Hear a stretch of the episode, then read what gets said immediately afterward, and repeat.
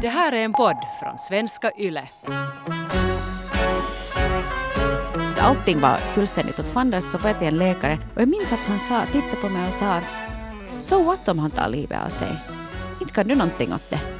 Och i all sin brutalitet så kändes det ändå som en ganska befriande sak att höra. För att jag tror inte att någon anhörig kan stoppa någon om de verkligen vill ta livet av sig. Vet du Hanna, jag har en känsla av att det här nu kommer att bli ett av våra viktigaste avsnitt någonsin. Det verkar lite så faktiskt. eh, Speciellt om man ser på den enorma responsen vi har fått den här veckan. Ja, bara vi gick ut med att det här är det vi ska diskutera så fick vi in en massa kommentarer, massvis med berättelser från publiken. Och ja, det är inte så stor skillnad för mig för jag kommer idag att sitta lite så här mera i en intervjuarroll och du, stackars Hanna, du, jag vill ju inte säga att du är en hot seat på något sätt men, men det är i alla fall du som har tänkt att du ska dela med dig lite grann av, av något som du har hållit hemligt ganska länge. Ja, jag konstaterar ju det att det här är vårt 113 avsnitt. Alla finns givetvis på Yle Arenan. Och eh, jag har faktiskt haft en hemlighet för alla er där ute som lyssnar på den här podden. En, en sak som jag har hamnat att hålla för mig själv och utanför eh, offentligheten helt enkelt på grund av att den handlar om en person i min närhet som jag har försökt skydda på det sättet. Mm. Eh, det här är ju alltså då relationspodden Norrena och Frans som du lyssnar på. Eva Frans heter jag, Hanna Norrena heter hon. Och eh, det finns ett namn som vi också ska nämna här nu, men inte nu kanske sen prata så hemskt mycket om just honom. Men det är alltså Hanna, din, ditt ex och pappan till dina barn. Och han är en offentlig person, han är en kändis som heter Thomas Enbuske. Och orsaken till att vi pratar om det här nu och att det också känns okej för dig Hanna att berätta om det här är ju att Thomas, han valde att berätta om det här. Och han gjorde det kanske så svulstigt som man kan göra. Han gjorde det i landets största dagstidning, eh, Helsingin Sanomat och Kuukausi lite, där han då berättade om hur han har mått de senaste åren och gick ut ganska detaljerat med precis vilka diagnoser han har fått och också erkänner att han har betett sig riktigt, riktigt illa mot sina nära och kära, då bland annat dig och era gemensamma barn. Och därför har vi tänkt så här, om det nu är någon skvallerjournalist som sitter och lyssnar, ni kan no, lyssna bara, men jag tror inte att ni kommer att få något sånt här saftigt som ni kan skriva om. För det ska inte handla så mycket om Thomas Enbuske, utan det ska handla om det här med att stå vid sidan om när en person blir psykiskt sjuk. Och det ska vi också säga här om någon undrar, han vet att vi gör det här. Han har sagt att han tycker det är helt okej att det rent av är bra att vi gör det här avsnittet. Så det är inte nu på något sätt så att vi ska på något sätt hänga ut Hannas kända ex här. Nej. Det är inte alls det vi vill göra. Nej, han är med, helt med på det här. Jag kollade med honom senast igår att är du nu helt fine med att vi, vi talar om det här. Så att absolut. Och, och som du sa Eva, att i den här artikeln till, i Helsingin Sanomat så har han ju väldigt eh, detaljerat också beskrivit sitt sjukdomsförlopp och, och då det var som allra värst, vändningar till psyke, hur han har isolerat sig i sin lägenhet och, och hur han har betett sig mot andra människor. Så att han har själv valt att gå ut med det här och därför så känns det som att nu är en stund då man kan ta upp det. För det har ju faktiskt varit här under en, en längre tid då vi har talat om till exempel det här med hur man delar vårdnaden på barn och sånt här. Så har jag alltid måste lite sådär gå kring eller kroka kring det där att jag ändå har haft mina barn i princip 100 procent, speciellt under de senaste åren då han har mått dåligt. Men det har jag ju inte kunnat säga. Jag har inte kunnat egentligen förklara det åt någon heller, att varför det är så här. Och många har ju tänkt, eh, för Thomas är ju känd lite som en sån här ganska gå påig, kanske lite arrogant. Provokatör. Provokatör. En Mm. ganska hård person. Att folk kanske har tänkt att ja, men han bara inte isvarar med sina barn. Att, att jag har liksom, och jag är för snäll. Att jag har hamnat och drar det stora lasset. Men det har alltså funnits den här stora hemligheten i princip då bakom det som har förklarat det. Och det har också varit svårt för mig då folk har varit så att ja, varför, varför dejtar du inte mera? Eller varför har du inte någon pojkvän? Så att, "N- när skulle jag hinna det? För att jag är ju hela tiden med mina barn. Men det kan jag ju inte heller säga åt en potentiell dejt. För jag vill ju inte att det kommer ut. Och ingen av oss ville att det skulle komma ut då det ännu var som värst och ingen riktigt visste ens att, att kommer det här att ha ett bra slut eller kommer det att sluta på det sättet att eh, poliserna ringer på min dörr med ett dödsbud. För det skulle också kunna vara en helt sann realitet. Mm. Vi ska backa bandet lite här och, och, prata lite mer om de här sakerna. Men en grej vi har inflika här och det är att ni är jättemånga som har skrivit till oss den här veckan med snarlika historier. Det är föräldrar som har varit psykiskt sjuka, det är partners, det är ex och om allt det här. Och då tänkte vi så här att nu ska vi inte hossa oss igenom det här ämnet utan det här är så viktigt att vi tänkte att vi pratar om det här också i nästa veckas podd. Då kommer vi att ta upp ännu mera publikberättelser och vi kommer också att ha en gäst här i studion som kanske kan komma med lite konstruktiva råd hur man kan agera som anhörig då när någon i närheten mår riktigt, riktigt illa. Men ni ska inte börja undra om vi inte tar upp så hemskt många publikberättelser idag här för vi kommer att fokusera lite mera på, på Hannas berättelse den här gången. Ett lite annorlunda avsnitt därför. Och så går vi mera in på era storyn sen nästa vecka, bara så ni vet.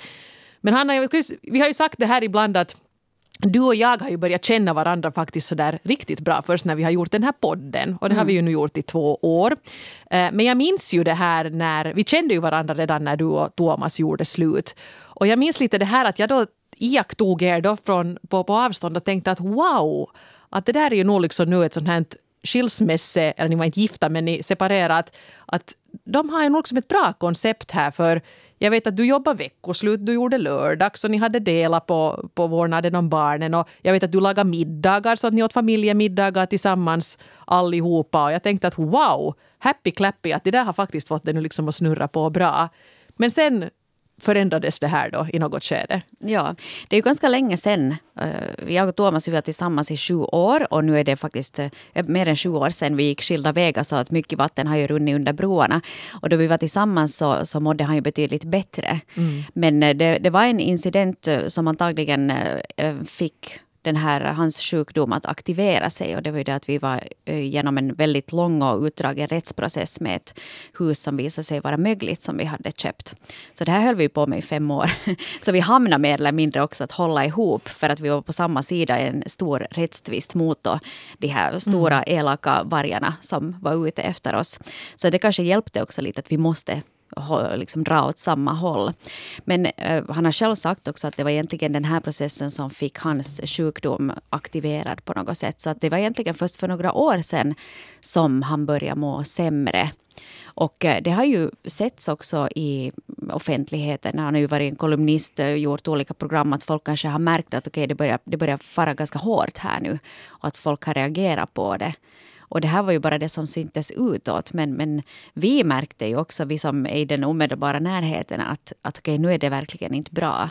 Mm. Den här artikeln i Kokausi lite hade ju faktiskt rubriken Kändisen som försvann. För det var ju precis det han gjorde. Han var överallt och plötsligt var han absolut ingenstans på inga sociala medier och så här. Eh, jag kan ju lite bara summera vad han själv har berättat i den här artikeln så att man får lite bakgrund till det här. Eh, han var i ett sånt här läge där han tyckte att alla andra var knäppa Eh, medan han nu i efterhand har insett att det var ju han själv som var tung och jobbig och impulsiv, orättvis och skrämmande. Och när han mådde riktigt som värst så kunde han nätt och jämt stiga upp ur sängen. Han kunde inte göra någonting alls och han ville allra helst, helst ligga kvar och bara dö. Um, inte helt problemfritt att ha delad vårdnad om barnen med en person som mår så här kan jag tänka mig. Nej, eh, det går ju inte att ha en delad vårdnad. Vi har fortsättningsvis en delad vårdnad. Men det var ju under en lång tid, skulle jag säga, ett drygt år kanske, som barnen inte har varit där. Helt enkelt av den orsaken att det inte har känts bra för någon av oss att de är där.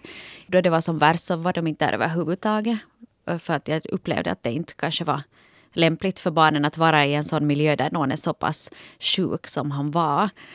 Och sen försökte vi lite, vet du, att de åker och hälsar på några timmar och så hämtar man och, och, och, så här. Men, men nu är det ju lite bättre i alla fall. Så, mm. att, så att nu mår han ju lite bättre. Så det finns liksom också nog de här historierna som slutar lite bättre. Men äh, det är ganska många av er som har skrivit också om att vad, vad folk har lidit av. Kanske man borde lite berätta det också. Ja, han berättar ju själv här att de, han har fått dubbla diagnoser nu här då. Eh, dels då bipolär diagnos, alltså det som förr kallades manisk depressiv. Det är väl en föråldrad term, men jag tycker den beskriver ju ganska bra vad det är frågan om. Att man är jättehyper och så är man helt liksom på botten emellanåt. Vid sidan av det då också, det som också är föråldrat, alltså Asperger, vilket väl idag heter att man är på det autistiska spektret. Så att de här två diagnoserna har han då eh, fått. Tänkte att det kan vara intressant för, för er som, som lyssnar att kanske någon i närheten mm. har fått samma diagnoser. Så ja. kan det vara bra info. Och jag tror också att det är viktigt att poängtera det därför att det finns en stor skillnad med det här att folk kan slänga sig lite med termer som att oh, jag får ångest av det här. Eller att uh, ja, jag känner mig lite deppig. Det är en väldigt stor skillnad med att säga det till att du lever eller att du har en människa i din närhet som verkligen liksom inte kan existera på grund av ångest, som inte går ut ur sin lägenhet på kanske en månad på grund av depression, att man helt enkelt inte kan ta sig ur sängen. Att det är en ganska stor skillnad, det är ett ganska allvarligt tillstånd då man till och med måste börja liksom ta till akut vård och, och trippar till psykiatriska avdelningar och sådär. Så då, då är det ju ingenting att leka med. Det är ju en kamp på liv och död i princip. Och han säger ju också i den här artikeln att, att uh, att om inte han skulle haft barn så skulle han givetvis ha tagit livet av sig. Så att så dåligt var det. Ja. Uh, jag tänkte faktiskt att vi skulle ta ett, ett brev här som kom från signaturen 41 år trött hustru som skriver så här. Min man har svår ångest och depression och har snart varit hemma i tre år.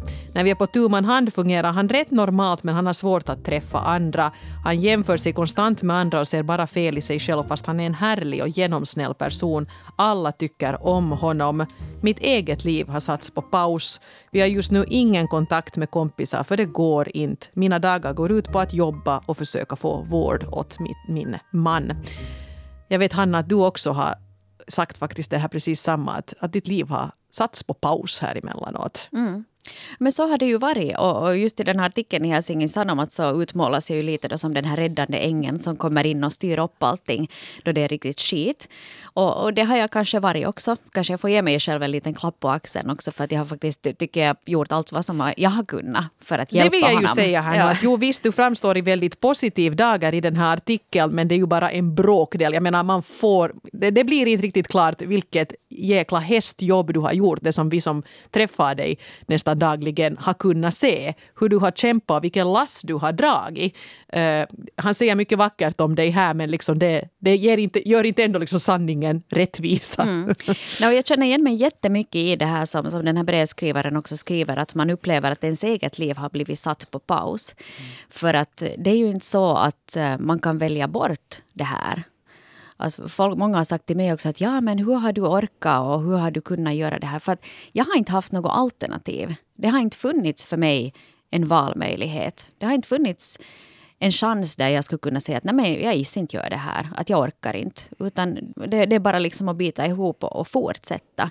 Att det är det som känns lite orättvist att om du lever tillsammans med någon som drabbas av psykisk ohälsa så är det att du hamnar att sätta dig själv på, inte kanske ens plats nummer två, utan där kommer sen barnen och så kommer jobb och pengar och allt sånt. Sen någonstans där längst ner så kanske du hittar dig själv som en urvriden disktrasa på plats nummer tolv.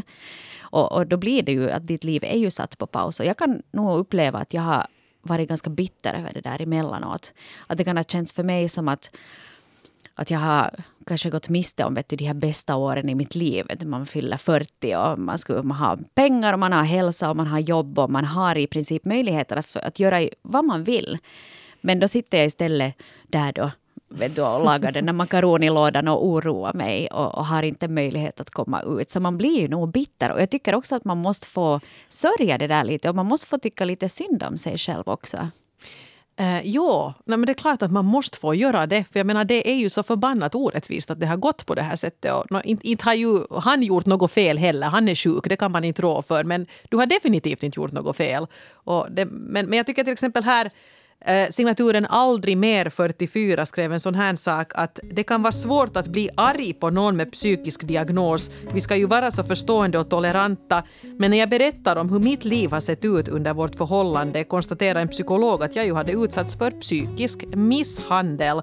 Jag tillåter mig idag att vara förbannad på mitt ex för allt det som hen har förstört i mitt liv. Uh, har du låtit dig vara arg på ditt ex, Hanna? Ja, emellan har jag varit nog så jävla förbannad, kan jag säga. Eller vet du, det känns som att, att, man, att det är så himla orättvist. Mm. Och där kanske, jag har ju ändå, jag har ju inte bott tillsammans med Thomas då det har varit så här. Och jag har liksom kunnat ta avstånd. Att han har varit elak mot mig, vilket han har varit väldigt många gånger. Men det har varit, jag, jag känner ju honom, han är ju en väldigt snäll och gullig person då han är, mår bra. Han är ju en väldigt, han är inte alls den här vet du, aggressiva provokatören som många känner honom som, utan han är ju en väldigt omtänksam och, och snäll person. Men sen att, att jag måste påminna mig gång på gång på gång att det här är den här sjukdomen som talar. Han är inte sån här mm. egentligen. Men samtidigt så har jag nog gett svar på tal också. Och det tror jag att är jätteviktigt om man är med någon sån. Att vet du, fastän det är synd om den personen och den är sjuk, så har man inte ändå rätt att bete sig precis hur som helst. Och jag har nog sagt flera gånger också att det här är inte okej. Okay. Du talar inte till mig på det här viset. Och det är inte okej okay att vi bestämmer det här och sen att du fejdar det i sista stund. Att jag har kanske gjort andra planer. Att man, man kan inte heller liksom komma undan med vad som helst bara för att du är psykiskt sjuk. Nej. Och, och det tror jag är viktigt som anhörig också, att man vågar sätta de där gränserna. Det är lite samma som, jag kommer ihåg då Christer Schultz var här och vi pratade om missbruk. Han sa att en av de absolut viktigaste grejerna är det att den anhöriga sätter en gräns för vad som är okej. Okay. Mm.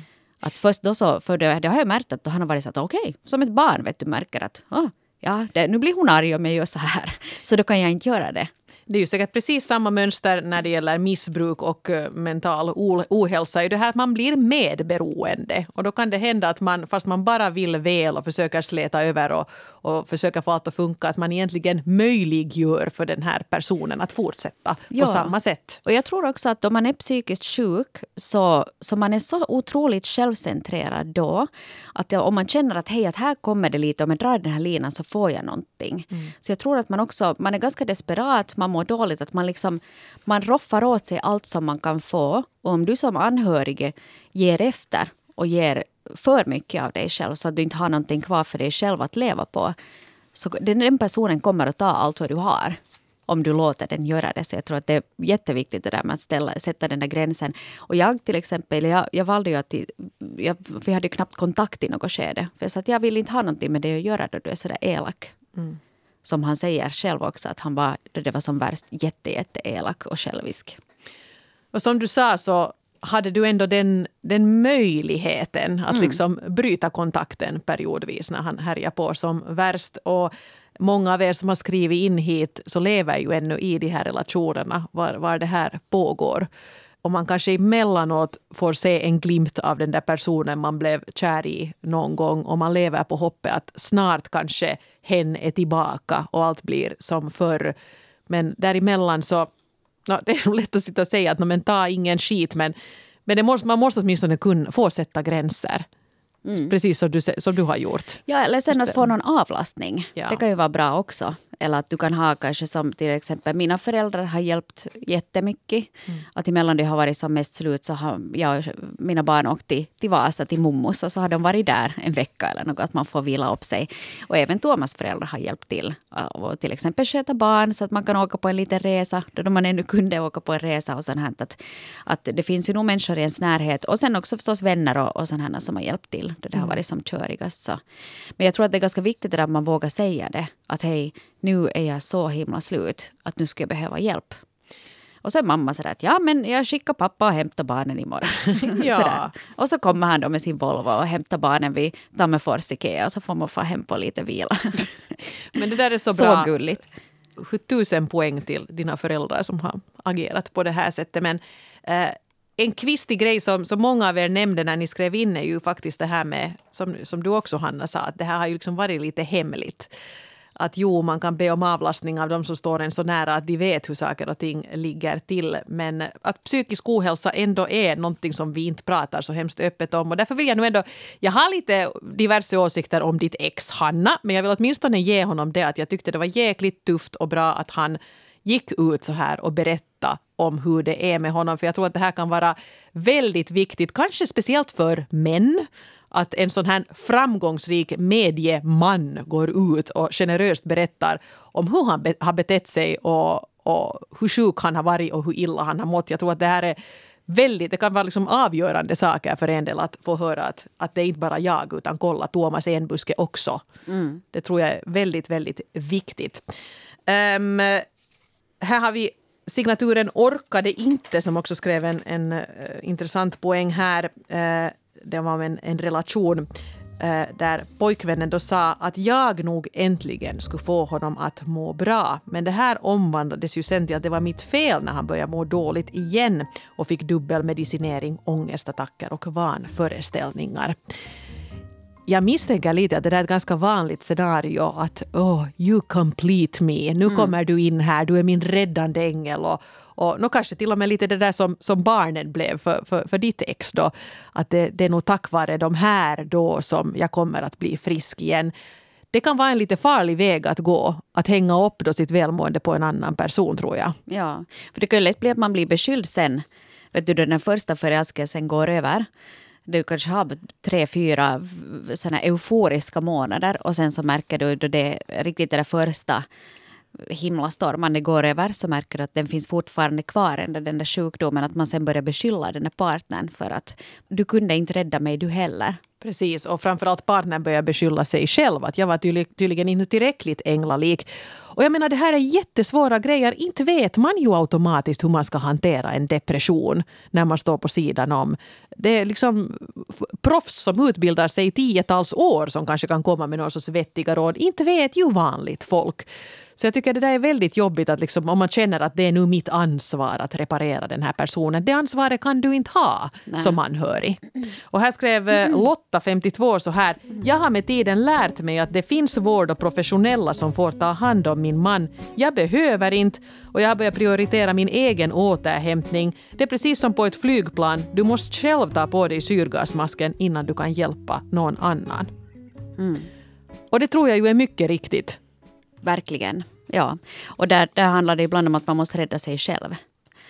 För att kunna liksom hjälpa någon annan. Den där syrgasmasks liknelsen tycker jag att det är så bra. Jag har tänkt det många gånger själv också. Att det, det är just så som det är.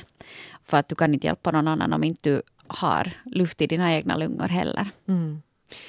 Men det här är ju något som vi nästan lite var inne på i ett tidigare avsnitt, det här med att be om, om hjälp. Och jag vet Hanna att du är ganska bra på det här. Jag har blivit bra, mm. för jag hamnar att bli bra på det. Mm. Men hur kommer man över den tröskeln?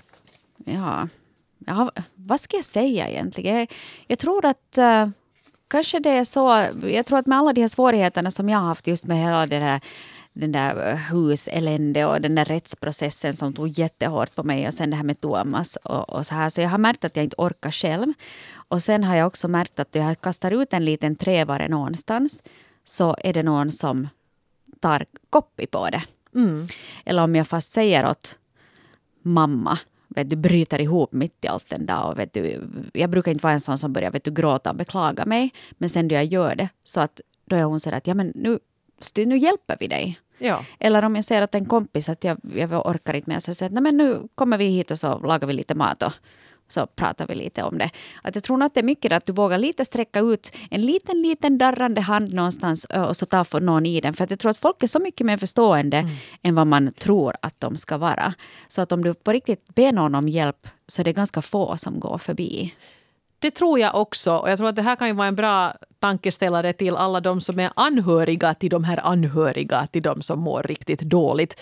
Att kanske vara lite så där påträngande där och säga att hör du, att nu ska jag kunna fara iväg med dina, dina barn här i några timmar. Att när passar det? Och så att den här andra liksom lite skulle få lite tid för sig själv eller mm. faktiskt släpa ut morsan på en promenad eller någonting. Liksom.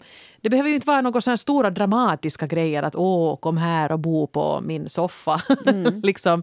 Men lite något sånt smått för att påminna om att hej, men jag finns ju här för dig nog. Ja. Att vad ska vi hitta på? Vad ja. behöver du? Ja. Och sen att inte vara så du, förbannat duktig hela tiden. Mm. Att, man kan ju nog faktiskt be någon annan att göra någonting för en om det blir enklare. Så jag brukar nog helt ohämmat be om hjälp faktiskt, mm. då jag behöver det. Och jag tror att den är min skam i det där att jag inte klarar mig själv. Så den har, den har lite gått över. det är ganska skönt faktiskt. Det är mycket sunt tycker jag. Låter. Det där har vi någonting att inspireras av allihopa. Mm. Du är ett föredöme på den här punkten. I all mitt elände. Ja. Nåja, hör du, nu, nu, nu hoppar vi riktigt långt ner i avgrunden. Vi, okay. vi är ganska djupt, men nu ska, vi, nu ska vi riktigt djupt. För jag menar, Thomas, han gör ingen hemlighet av det här eh, att han emellanåt faktiskt bara ville dö. Att han tyckte att det skulle ha varit det bäst, mest lockande alternativet. Och här tycker jag att lite samma scenario så beskriver uh, här uh, signaturen Hur länge orkar man? Så skriver att Jag är gift med en man som lider av psykisk ohälsa och det är nog den svåraste utmaningen jag har varit med om fast jag också är egenföretagare och tvillingmamma. För det känns som att jag har ett barn till att ta hand om. Jag har både barnens och makens tider att passa. Jag bokar allt för honom för han klarar det inte själv. Och jag är konstant rädd att han ska göra sig illa eller rent av ta livet av sig. Mm. Den där rädslan måste ju ha funnits hos dig också. Givetvis. Mm. Det fanns eh, en ganska lång period då jag i princip bara väntade på att när kommer det eh, det där samtalet. Eller att jag kunde på morgonen så öppna telefonen för att se att är det på tidningen. Mm. Vet du, att nu har han hittats död någonstans eller vet du, något, något sånt här. Att det var så pass dåligt att det här var inte egentligen någonting som skulle ha förvånat mig väldigt mycket. Mm. Du var och, redan beredd? Jag var, jag var beredd på det, att, att så här skulle det kunna gå.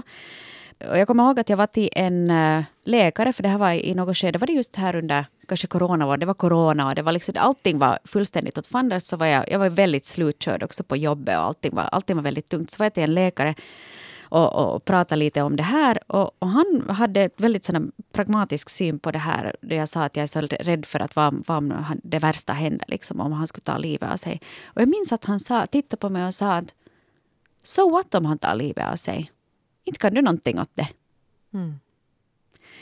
Och, och i all sin brutalitet så kändes det ändå som en ganska befriande sak att höra i det skedet. För att jag tror inte att någon anhörig kan stoppa någon om de verkligen vill ta livet av sig. För jag menar, ingen kan vara där och övervaka dem hela tiden. Okej, du kan tvångsinta någon på psyke och sådär. Men om någon vill på riktigt ta livet av sig så, så är det fullständigt möjligt att göra det. Och jag tror att som anhörig är det viktigt att, viktigt att man inser det att jag kan bara göra det vad jag kan göra. Men beslutet är alltid hos den andra personen. Mm. Och att jag tror inte heller det här liksom med att, att folk som mår dåligt, som flera hade skrivit här också, att folk hotar att om inte du gör si eller så, så tar jag livet av mig. Så vad kan man liksom säga till det? Men gör det då. Det är en fruktansvärd grej att hota med, för det man i princip säger är ju att då, då slipper jag allt och du får leva vidare med de här skuldkänslorna. Ja, det är vad ditt kunde fel. jag ha gjort? Det var ditt fel och du har nu liksom mitt liv på ditt samvete. Och det kan aldrig någon ha. Alltså Nej. om man nu inte har varit en total sadist som har manipulerat någon så att den blev självdestruktiv.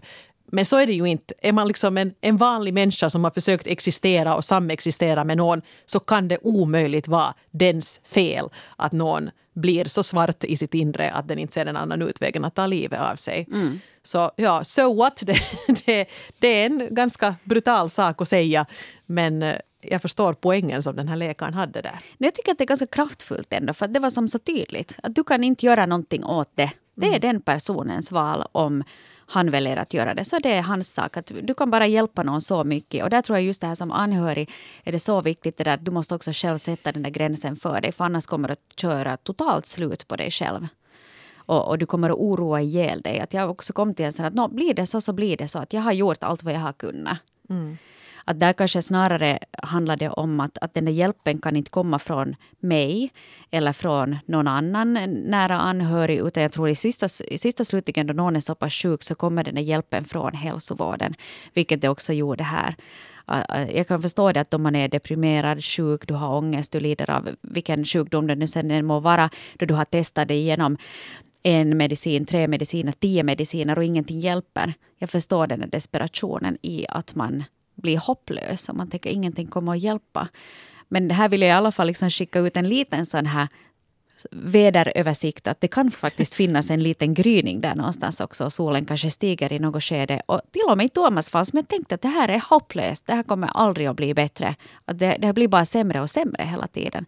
Så en dag kom sen den medicinen som började hjälpa. Och som han själv sa att, att wow, att livet kan ju faktiskt vara ganska trevligt emellanåt. Och så att, där vill jag också skicka ut det där till, till alla er där ute som kanske kämpar med det här. Att, att det finns den där hjälpen att få någonstans. Men den är inte lätt att få. Och jag förstår det att då, du, då ingenting funkar så är det jättesvårt att orka kämpa. Och många har ju sagt det här också, att det är jättesvårt att få hjälp. Men det är ju kanske en samhällsdiskussion det sen igen som, som de som sitter på pengar på rätt ställe måste, måste avgöra. Men. Mm. Jo, en del tycker, som har skrivit till oss här har ju fått hjälp relativt smidigt. Andra får, hamnar i blanketthelvetet och kommer inte vidare på, på något sätt. Så det tycks vara väldigt olika. Men ni som har skrivit, ni är faktiskt väldigt överens. Speciellt ni som kanske har skrivit om en situation som nu är lite bättre att ni önskar att ni hade fattat att själva söka hjälp i den här situationen. Att inte bara sätta allt fokus på den här som har fått en diagnos och sitter där och hoppas på att hitta rätt medicinering utan också själv gå i någon sorts eh, terapi eller få något sånt här stöd. Det finns stödgrupper och allt möjligt för sånt här. Att varför gick jag inte också i terapi? Jag skulle ha behövt det för jag mådde ju också illa. Och vad skulle ha hjälpt någon om vi båda skulle ha dukat under? Som sagt kommer vi att läsa flera berättelser nästa vecka. Mm. Lite mera fokus då på publikens berättelser. Men eh, Hanna, hur ser du på framtiden nu? Hur känns det just nu? No, nu känns det ju, tycker jag, mycket bättre. Och jag måste säga att, att för mig så var det en stor lättnad också då, då Thomas valde att gå ut med det här offentligt. Jag fick ju läsa den här artikeln före den publicerades. Och, och, jag tycker att det är ganska skönt för jag behöver inte smussla mera och jag behöver inte hitta på sådana halvsanningar hit och dit om varför vår situation är som den är. Så det tycker jag har varit jätteskönt att man får ja, att man kan liksom vara sann mot de människor som man möter. Och jag tycker också det har varit jättefint att så många har hört av sig och sagt att hej, jättebra att han berättar det här och, och vitsig vad du har orkat kämpa på. Så jag tycker för mig också så känns det bra för då kanske jag kan hjälpa igen någon annan som har varit i min situation. Att det finns nog liksom en gryning där någonstans ändå. Och, och, som sagt, jag menar, det är ju inte så där att, att vi springer ute på ängarna nu och vet du, kastar prästkragar runt oss. Det är ju inte en sån lycka som det handlar om. Men då du kommer från det att du inte har kommit upp ur din säng på evigheter så känns liksom varje steg du fast tar ute i den friska luften och varje filmkväll du kan ha med dina barn så det är ju som en seger. Mm. för honom. Så att eh, jag, jag, ser nog ganska ljust på framtiden nu. Det, åtminstone så är riktningen helt rätt. Fint att höra. Vi pratar vidare om det här omåttligt viktiga ämne i nästa veckas podcast. Jag ser nu bara personligen här att tack Hanna för att du delar med dig. För att jag vet att det inte var helt lätt för dig att att göra det här avsnittet för att det, det blir ju så personligt och det blir ju så, så nära. Men jag mm. hoppas det kändes bra och jag tror att det har varit väldigt värdefullt för många att höra det här. Ja, ja tack. Det kändes nog fint på något vis att säga det. Fast jag också var lite nervös före och tänkte att jag är så van att prata om andras problem. Att nu när man skulle prata om sina egna så, så kändes det lite sådär jobbigt. Men, men tack till alla er som har skrivit in och, och tack till alla er som har skickat också sina tummar upp och uppmuntrande meddelanden. Det betyder också jättemycket. Och jag hejar på alla er där ute också. Kom ihåg det att tillsammans så är vi mindre ensamma i det här. Och vi fortsätter att diskutera på relationspodden Norrena och Frans på Facebook och ni kan fortsätta att skriva in eh, under den här artikeln som vi hittar på svenska.yle.fi och så hörs vi igen om en vecka. Det gör vi. Kram på er. Hej då!